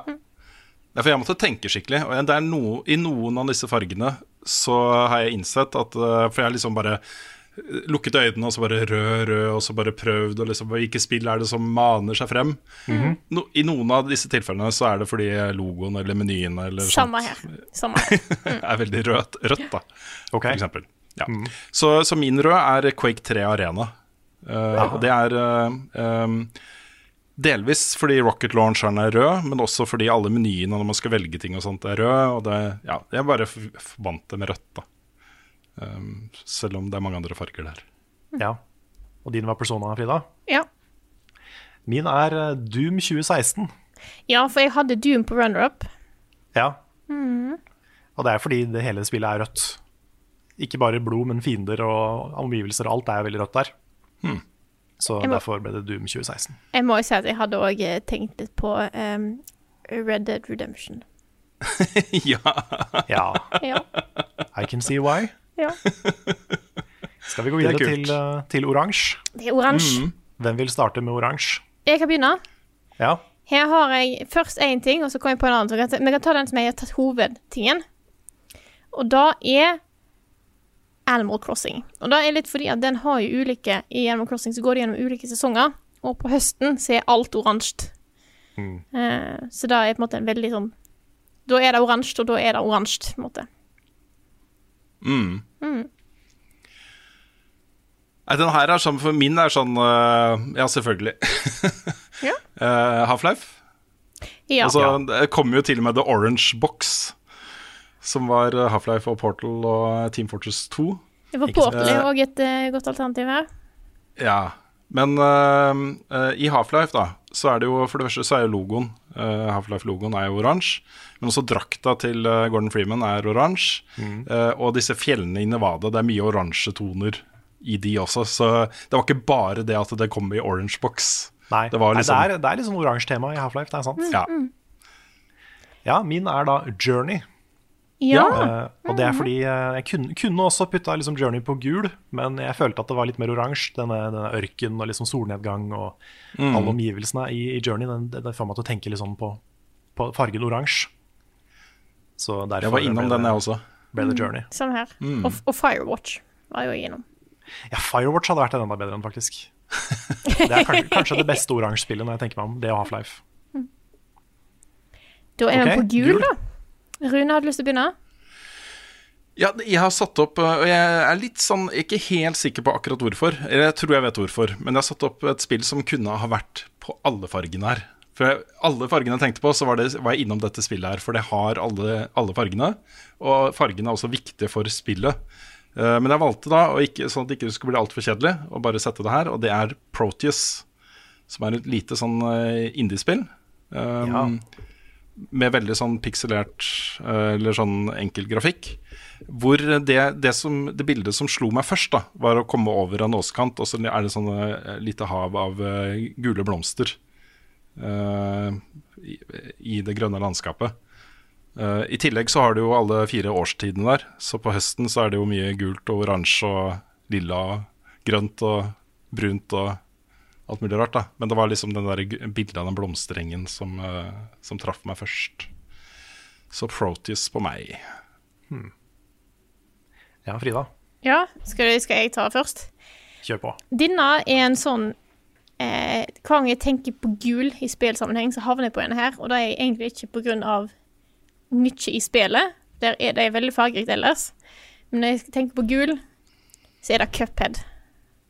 Og det er fordi veldig mye av det der er- Eller på en måte Jeg tror det er startskjermen er jo helt gul, med liksom Cuphead på. Eh, så det er en veldig på en måte intens Der er det gult, så det er ikke noe annet. Eh, så den kom veldig tydelig for meg, da. I see. Mm. Jeg har satt opp eh, Dune 2000. Det er da ja. altså strategispillet Dune. Og det er, jeg tror det er mest fordi egentlig alle versjonene av Dune, da, men spesielt den jeg spilte på, på Sega Mega Drive da jeg var liten, som bare het Dune 2. uh, der var liksom Alle mapsa var jo veldig gule. Det er jo satt i, Dune er jo i en ørken, så det er jo veldig gult. Og det er mye sånn gule menyer og gule units og, og sånn. Så det er liksom det første spillet jeg tenker på uh, når det kommer til fargen gul, det er Dune. Jeg vil òg trekke fram et til her som, jeg, eh, som var vanskelig å velge mellom. Men jeg tar det med fordi at det er en viktig farge i spillet. Undertale. Ja. Mm. Det også er uh, veldig sant. Jeg har mange spill på alle fagene, her, så det er bare til å glede seg til det. Eh, Vi kan gå videre til grønn. Har du lyst til å begynne, Karl? Det kan jeg gjøre. Uh, Det første spillet jeg kom til å tenke på, det var litt sånn eh, til min egen overraskelse, det var Temtem. Og, det, og det er fordi Temtem har en sånn det, det, det, det føles som det er sånn grønnskjær, sånn grønnfilter over grafikken i Temtem. Og det er mulig jeg tenker på det mest fordi jeg valgte en grønn starter eh, Temtem og liksom ser den fargen mye. Men jeg føler det er noe sånn Det, det er sånn grønn Det er noe grønt med liksom hele Temtem. Og jeg vet ikke om jeg egentlig er så fan av det fargefilteret, egentlig. Jeg synes det, det, kan, det er litt sånn sterkt. Det er litt mye. Men, eh, men det er liksom det første jeg tenker på når jeg tenker på grønn. Mm. Rune, har du noe? Ja, jeg har satt opp Far Cry, rett og slett. Altså De der bølgene i junglene. Det var grønt overalt, hele tiden. Så um, det var det første som uh, slo meg der. Mm. Min grønn er Minecraft. Ja, den er bra. Den er fin. Det er nok kanskje det beste. Da er 2-0 på- til Frida, eller hva det er. Ja. Da er vi på blå. Mm. Blå. Blå. Skal jeg, skal jeg begynne? Kjør på. Ja. Her har jeg Ori and the Blind Forest. Ja, ja. Der er det jo veldig mye blått, spesielt i håper jeg, i starten og på en måte selve eh, artworken og sånt. Eh, mye fin blåfarge i Ori, i tillegg til mye svart. Mm. Kule, kul artstil, syns jeg. ja. Skal jeg ta min? Mm. Jeg har satt opp Portal 2. Ja. Og det er fordi jeg føler Portal 2 er blåere enn Portal 1. For det er flere, det er flere litt sånne mørkeblå områder. Mm. Eh, Du har den der blå gugga som du kan hoppe på. Jeg føler det er veldig mye bruk av blå i Portal, i hvert fall Portal 2. ja. Portal 1 er mer oransje, det du sier? Ja, litt sånn lysere hvitere, kanskje. Ja. Portal 1 er veldig sånn uh, sterilt med de hvite trenings... eh, ikke treningsromma, men de test chambersa. Mm, det er sant. Så jeg føler som Portal 2 så er det mer bruk av blått, da. Så derfor så Mm. endte jeg opp på, på det. Har du ikke en oransje gugge i Portal 2? Jo, du har det. Ja. hm. ja Jeg har uh, Subnautica. Subnautica. Ah. Mm. Mm, litt uh, billig, kanskje. Men ikke det er jo veldig blått. spillet, men ja. ja. Ja, det er, det er blått. Det er Veldig blått. Mm. Ok, nå kommer de to siste vanskelige fargene. Ja, og så er det indigo og fiolett, fordi at Ja. sånn som jeg har liksom Jeg har måttet google difference uh, indigo og violet. Og indigo Jeg syns violet er litt mer mot det som jeg syns er lilla, som er litt mer mot rosa. Mm. Ja, det er vanskelig, men vi kan i hvert fall begynne med indigo. Hvor har dere satt indigo? Hva er, hva er What's the game? Jeg kan begynne, jeg. Jeg har satt uh, Destiny. Og Destiny, og Destiny 2, da. Altså hele Destiny-universet. Fordi um, For det første så brukes jo um, indigo Jeg får si det er indigo, da. Det kan hende mm. at det er fiolett. Men uh, det føles som en litt sånn litt mørkere fiolett, på en måte. Er det ikke det indigo er? Litt mørkere og Ja, han er litt mer mot blå, syns jeg. Ja, ikke, ikke sant. Men den er litt sånn eh, royal, litt sånn kongelig. Og det er uh, flere av MPC-ene som har lilla som en av hovedbasene i fargetonene sine. Petra Venge, for eksempel.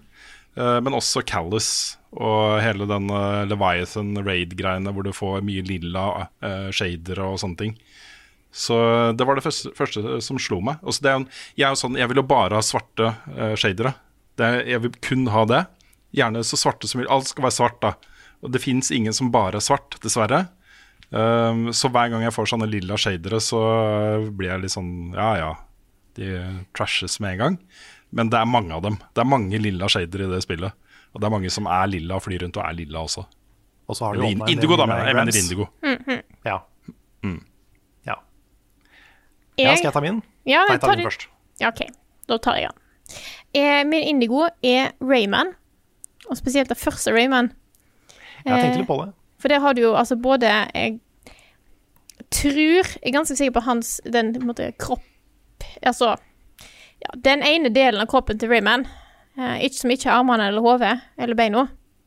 Selve torsoen, på en måte. Pe penisen? var det det? Penisen, spesifikt den, ja. Ja. Mm. Eh, jeg syns jeg er litt indigo, men spesielt disse store plommegreiene. Ja, de som du kan hoppe på. Ja. og slå på. Mm. De, de er for meg indigo. Ja. OK. Mhm. Min indigo er Dead Cells. Og det er fordi eh, spesielt første level i Dead Cells har veldig mye blå og lilla. Og siden indigo er liksom blålilla, så føler jeg at liksom det smelter sammen og blir Dead Cells. da. Mm. Det er den siste fargen. Ja, da er det fiolett. Og da vil jeg gjerne ta den, for at min er litt relatert til din på en måte, Carl.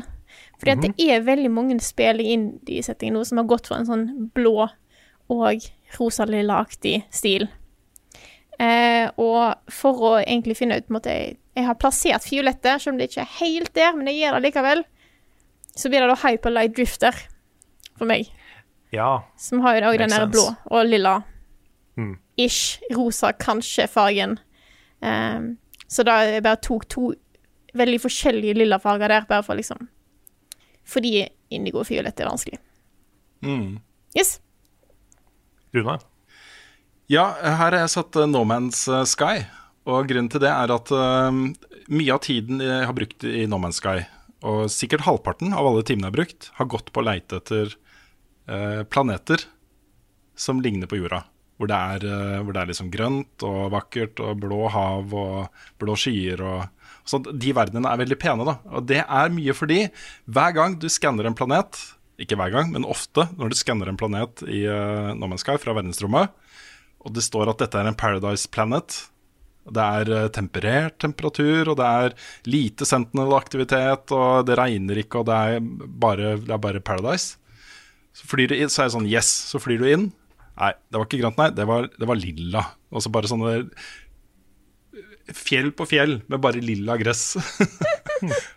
så jeg har sett veldig mye lilla i, eh, i No Man's Sky.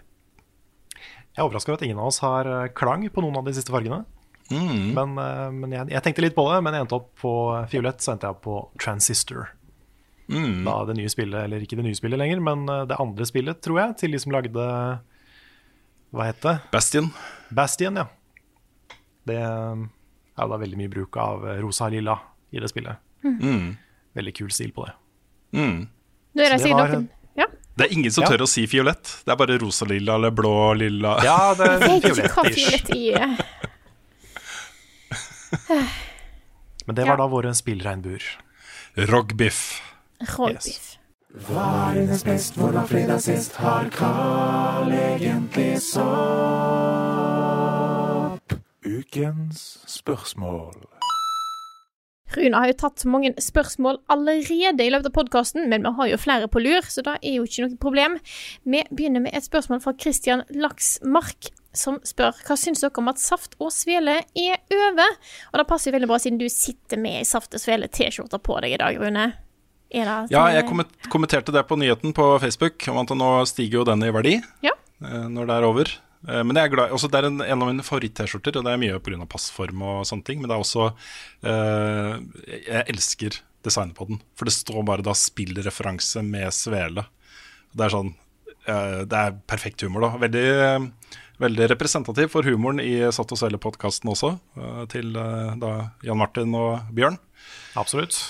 Så Nei, også, det er jo trist, men det er jo også sånn Alle disse podkastene, kanskje med unntak av vår egen da, og eh, et par andre, er jo basert på lyst og entusiasme og skaperglede, og det er bare noe gøy å holde på med.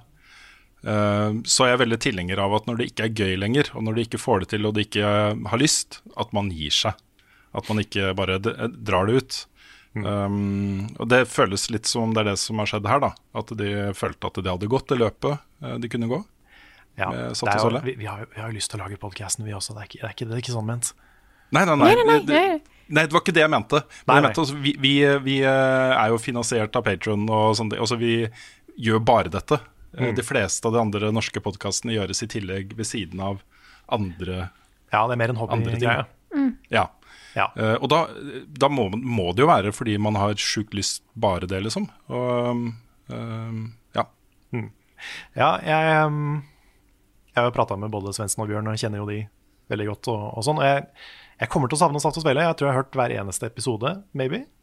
Mm. Jeg tror ikke det er noen jeg har missa. Vært gjest et par ganger. Um, jeg kommer jo til å savne liksom den, den humoren og den greia de har gående. Mm. Eh, for de har jo liksom en egen eh, dynamikk, liksom. Jep. Men samtidig så er liksom både Bjørn og Svendsen er jo kreative sjeler. De er, de er fulle av ideer, de har masse ting på gang. Så eh, det er jo ikke det siste vi får se av verken av noen av de. Nei. Så det er, det er synd å miste Saft og Svele, men jeg tror samtidig at det kanskje, kanskje kan åpne dørene for noen nye kule ting. Mm. Fra enten de sammen eller hver for seg, eller det gjenstår å se. Ja. Jeg vil også bare nevne at, eh, at hver eneste uke så sitter jeg og gleder meg til vi skal sette oss ned og lage podkast. Folk må ikke misforstå den biten der, altså. Dette er et av ukas høydepunkt for meg også. Mm. Så Men Det- vi gjør det i arbeidstida, Ja. ikke sant? Det er eh, Ja. Absolutt. Så, ja, nei, men jeg, jeg syns det er Jeg syns jo det er synd. Altså, de har jo, det er jo en sånn derre, uh, liten bukett da, av norske spillpodkaster. Um, og hvis du vil vite hva den buketten er, så er det bare å se på programmet på Tiltcast. Det er jo uh, stort sett, da. Det var et par nye eh, i 2.0. Eh, men mange av de er, jo- har jo holdt på i mange år og, og har blitt veldig etablert og er eh, litt sånn derre Noe man kan stole på, da. Å komme inn i feeden sin og høre en ny episode. Man venter litt på det, man gleder seg til den kommer, og så blir en del av hverdagen til folk. Og de har jo holdt på lenge òg. Det er jo passert 200 episoder. Det er jo en solid mengde timer. Eh, Absolutt. Så- Det er det. Så det er jo en, en vellykka podkast. Mm. Så eh, ja, eh, kanskje noen blir inspirert nå til å gå gjennom arkivet, og så får de eh, utrolig mange nye lyttere, og så er det ikke slutt allikevel. så hvem vet. De har jo sagt da at de skal ha et siste show. Ja. Sikkert noe live-greier eller noe sånt. Ja. Mm. Så det blir eh, mer. Der skal jeg være. Det skal, jeg, da skal, skal mye til også for at ikke jeg skal være der. Yes, Vi kan hoppe videre. Dette er jo litt relatert til at vi hadde jubileum på lørdag. Det er Rune Kjærsli Småbråten som spør i anledning dagen hva er favorittkaka deres? Oi. Hvis du kunne fått hva som helst kake, nå kan jeg lage den til deg. Du bare må si hva du vil ha. Hva får du? Hva velger du? Jeg må faktisk si at det er den jeg lager selv. Den sjokoladekaka jeg lager selv. Eh, og det er litt fordi uh, dette var en oppskrift jeg fikk av en kollega uh, til kona. Som hun har kommet hjem da med en sjokoladekake en dag. Bare Rune, du må smake på den her. Dette er en kake du kommer til å elske. Og det var den beste sjokoladekaka jeg har spist. Så fikk jeg oppskriften, og det er den jeg lager nå hver gang. nå. Den er bare det, Den er helt riktig. Den er helt, akkurat sånn en langpannesjokoladekake skal være. da Kunne du sendt den til meg? Er det lov? ja, det kan jeg gjøre. Tusen takk. Ja, absolutt. Da Det jeg deler med glede den oppskriften. Herlig. Uh, he hemmeligheten til den da er jo at man bruker kefir istedenfor uh, melk. Ah. Eh, man bruker mørk, eh, sterk kaffe i glasuren. Uh, og man bruker eh, sånn type 70% kokesjokolade. Ikke de der eh, søteste, men de ganske skarpe uh, kokesjokoladene. Mm. Eh, det er det som får opp Og det blir sånn saftig og veldig ja, veldig Mm. god. Jeg tror jeg må si kokesjokolade... Nei, um, Kokesjokolade. sjokoladekake. Kokesjokolade, kokesjokoladekake. Um, jeg òg, men hvis vi, hvis vi strekker definisjonen av kake litt, grann, så, så husker jeg fra barneskolen, og det kommer jeg aldri til å glemme, en av mammaene i klassen eh, hadde, var baker, og bakte noen ganger, og kom på skolen eh, når det var eh, matpause, med sånne massive skillingsboller, sånne snurringser. Det er litt forskjellig om folk kaller det skillingsbolle eller snurrings, men det er samme ting. Eh, med da masse kanel og melis og sånn seigmenn på toppen og sånn. Okay. Og det hender fortsatt at jeg drømmer om de om nettene. De, de var så utrolig gode. Det var julaften da hun kom med sånne til, til glassen. Du, vet du hva? Her ligger det potensial. Vi tar med oss kamera, så stikker vi hjem til henne. Mm. Og så får, vi henne til å lage det på nytt. Ja. Ja, jeg syns det. Til oss. Jeg har lyst jeg er liksom, hun er baker, så jeg vet ikke om jeg tør å spørre om oppskriften. Fordi det er, det er liksom hennes trade, ikke sant? Mm. Men, men jeg har så lyst på en ny sånn. Mm. De var så gode. Det er det beste jeg har spist av sånn dessert noen gang. Nice. Jeg tror jeg må gå for noe som jeg, jeg har prøvd å lage sjøl, men jeg har ikke helt fått det til. Men det er jo fordi det er sånn det av og til er. Men det er ting som er lagd av mamma. Det, jeg har prøvd å lage det sjøl med samme oppskrift, og det blir ikke helt det samme. Det er det som vi har kalt ei firkløverkake, som jeg tror er annerledes enn ei vanlig firkløverkake, har jeg funnet ut. Men det er i hvert fall ei vanlig det er sjokoladekake som er i to eller tre lag, eh, med da vaniljekrem imellom, og med en glasur som er da basert på firkløversjokolade, så det er litt nøtt i tillegg. Den er jæklig god. Åh, var Var dårlig gjort å ta ha av meg det å ta- spørsmålet her. Ja, Ja. det var det. det, var det. Jeg beklager. Jeg ble sulten. Ja. sånn er det når vi spiller inn podkast eh, klokka halv tre. Da blir jeg sulten. Da blir det sånn. Mm. Yes, men Ja. Har dere lyst til å ta opp et, et annet eh, spørsmål da, som ikke er kakerelatert, kanskje? Jeg kan ta et. Mm. Fordi det er et spørsmål her fra Maritimuse, eller Marit Maritimuse eventuelt, til Carl. Um, du lurte meg til å prøve Final Fantasy 14 online, og nå er jeg hekta. Har du noen tips til nybegynnere? Har sett noen videoer på YouTube. Har du kanskje vurdert å lage en liten nybegynnerguide til Final Fantasy 14 på Level Up eller en egen kanal, eventuelt andre spill? Det er litt vanskelig, det der, fordi Final Fantasy 14 er kjempebra. Eh, Jeg brukte jo hele sommerferien i fjor på catch up. Men det er veldig vanskelig å catche opp, fordi det er utrolig mye content. Og spesielt det, det første, altså A Realm Reborn, den første main storyen, den er ikke like bra som resten av spillet. Eh, Så, så den inngangsbilletten er litt eh, Det er litt mye. Det er mye å sette seg inn i. Det tar mye tid. Det er mye tekst og mye fetch-questing og sånn i starten. Og det er litt synd. Så du kan eh, Du kan jo kjøpe en sånn her eh, så, Sånn holdt på å si skip tickets-ting. Som lar deg komme til enten Heaven's Ward eller en av expansionsa. Så hvis du ikke har tid til å spille alt, kan du begynne på Heaven's Ward eventuelt. Og bare liksom se deg opp på YouTube eh, på historien i A Realm Reborn og patchene som leder opp til Heaven's Ward, og så begynne der. Det går an. Fordi jeg syns Heaven's Ward, Stormblood og Shadowbringers er såpass bra at de er liksom verdt å, verdt å spille, da. Men eh, det beste er jo å spille alt. Men jeg, jeg har jo hørt at de jobber med en sånn slags um, streamlining av A Realm Reborn. Jeg har ikke- hørt noe om når det kommer, eller noe sånt, men eh, at det skal bli lettere da, å komme seg gjennom den første, første biten. Mm. Så det er i hvert fall lov å håpe at det skjer etter hvert. Men, men mm. det er litt vanskelig å komme seg inn i det spillet nå, og det er litt, litt dumt. Nybegynnerguide fra Carl, vet du. Punkt nummer én, ha en sommerferie, sånn at du kan komme deg opp til der hvor det bra innhold er. Ja. Ja, for vi, vi spilte jo første biten uh, for mange år siden. Og jeg begynte jo på Heaven's Sword i sommerferien. Og da Mm. hadde jeg liksom bare masse bra, og det var kjempegøy. Men Ja. uh, det er bra det første òg, men det er ikke like bra. Mm. Så det er, man må kanskje være litt tålmodig der. Eller eventuelt Mm. skippe det. Har du et på laget, Rune? Ja, jeg har lyst til å ta et fra Martin Rismo, som spør hva vi syns om filmen 'Jakten'. Har dere sett den? Nei. Mm, Det tror jeg ikke. Nei, dette er en film med Mats Mikkelsen. Det er en dansk film eh, også. Hvor eh, han spiller en eh, Jeg tror han jobber i barnehage. Og han blir da beskyldt for seksuelt misbruk av barna i den barnehagen. Eh, så filmen handler jo om Hva skal man si? eh, prosessen mot, mot han, da. Hvor eh, han er jo uskyldig, men det er det ingen som tror. Også han, hele livet hans blir ødelagt pga. disse beskyldningene her. Så det er det den filmen handler om, da. Jeg syns det er et viktig perspektiv også i en tidsalder hvor, hvor folk har en veldig klar tendens til å liksom peile på når det kommer opp sånne ting. Altså Ikke nødvendigvis bare det, det kan være hva som helst. At man har eh, sagt noe eh, som man angrer på, eller hva som helst, liksom.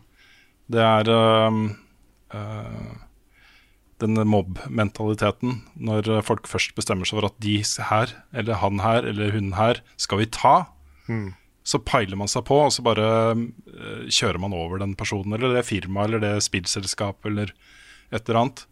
Jeg syns den filmen presenterer et, et uh, Dette er sånne ting som folk må føle på kroppen, tenker jeg. da altså, må- Folk må skjønne at den, uh, det man gjør i en mobb, som dette her, liksom, har konsekvenser. Man må vite hva de konsekvensene er. Man må vite at det er en person eller en, et selskap eller en uh, stab med ansatte på andre siden som mottar dette her. Mm. så det syns jeg var et, et nyttig, nyttig og bra perspektiv. Så er det jo en veldig, veldig bra film. Veldig bra film. Ja, fordi du har jo På de tingene der så har du liksom det ene, det ene perspektivet, som er eh, mennesker med makt som misbruker makta. Det er viktig å liksom få fram når det skjer. Men det er jo også, internett har jo også blitt den nye gapestokken. Og det er ikke bra. Nei. Det er liksom Det viktige er å stoppe det negative og ikke, ikke dogpile et menneske, på en måte. Mm. Nei, for, øh, for øh, øh, det her skjer jo. At folk blir beskyldt for noe.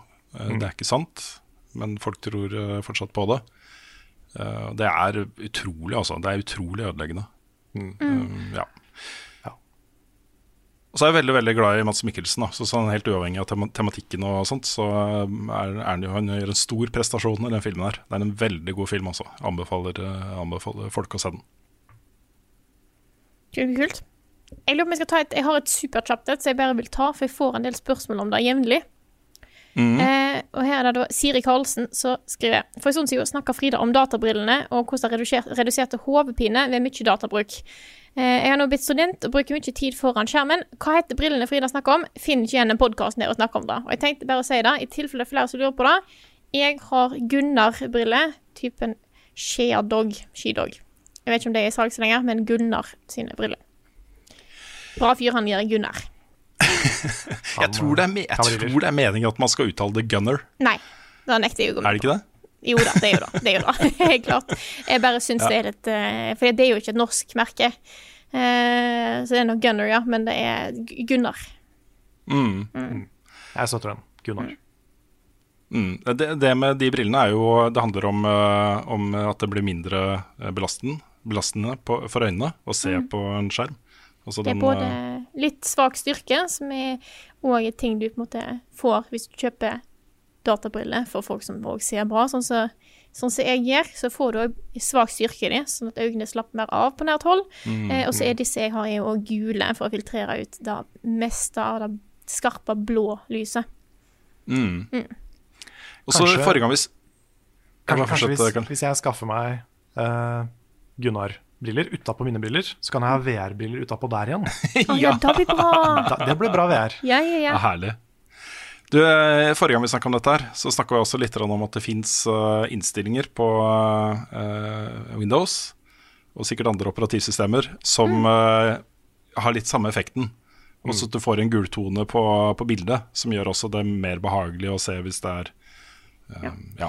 Det er spesielt det er gultone som hjelper på kvelden for å få hodet til å slappe av. Det er jo en ting de har Mm. forska på. Eh, at det, det er jo dette blå lyset som at som sier til hjernen at du fortsatt skal være våken. Eh, det har faktisk funka for en del folk i en del forskningsgrupper. Hvis de går med gule eller oransje briller på kvelden, så hjelper det de å komme inn igjen i en søvnsyklus. Eh, det jeg syns er best med disse brillene, er jo kanskje òg at det er litt styrke. Og det er jo òg noe jeg ble Mm. anbefalt da jeg sjekka synet mitt. Eh, og da sa jeg at jeg hadde disse her, og da fikk jeg beskjed om at det var bra. Så det er både gulfargen Mm. og, med data at det er litt styrke, da, som, som hjelper. Mm. ja. Og så har det jo sånn night mode på telefoner også, mm. som hvor eh, alt blir sånn gultoner og ja. Det bruker jeg på kveldene. Ja, same. Jeg bruker det på, på PC. Mm. It's pretty good. Har dere noen siste spørsmål før vi tar runde av her i dag? Nei. Nei. Dette her var en ny episode av Level Backup, som er en spillpodkast utgitt av moderne media. Låten i introen og outroen er skrevet av Ole Sønnik Larsen og arrangert og framført av Kyosho Orkestra. Vignettene er lagd av fantastiske Martin Herfjord og Rune Fjell Olsen. Du finner masse mer innhold fra oss på youtube.com slash levelupnord og twitch.tv slash levelupnord. Og hvis du vil være med på å sørge for at vi kan lage innhold i mange år framover og ha fem og seks og sju og åtte års jubileum som firma, så er det bare å bidra på patreon.com slash levelupnorge med det du har lyst til. Om du har mulighet til det. Tusen takk til alle som har hørt på, og så snakkes vi igjen neste uke.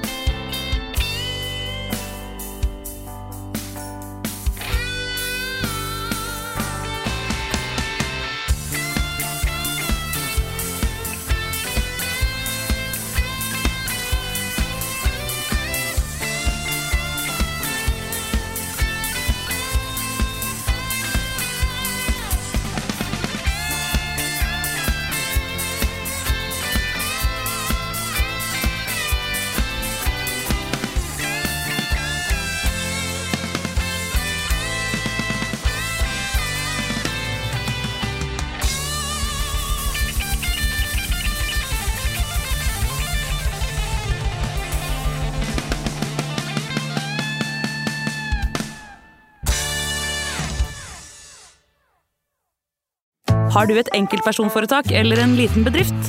Da er du sikkert lei av å høre meg snakke om hvor enkelt det er med kvitteringer og bilag i fiken, så vi eh, gir oss her, vi. Fordi vi liker enkelt. Fiken superenkelt regnskap.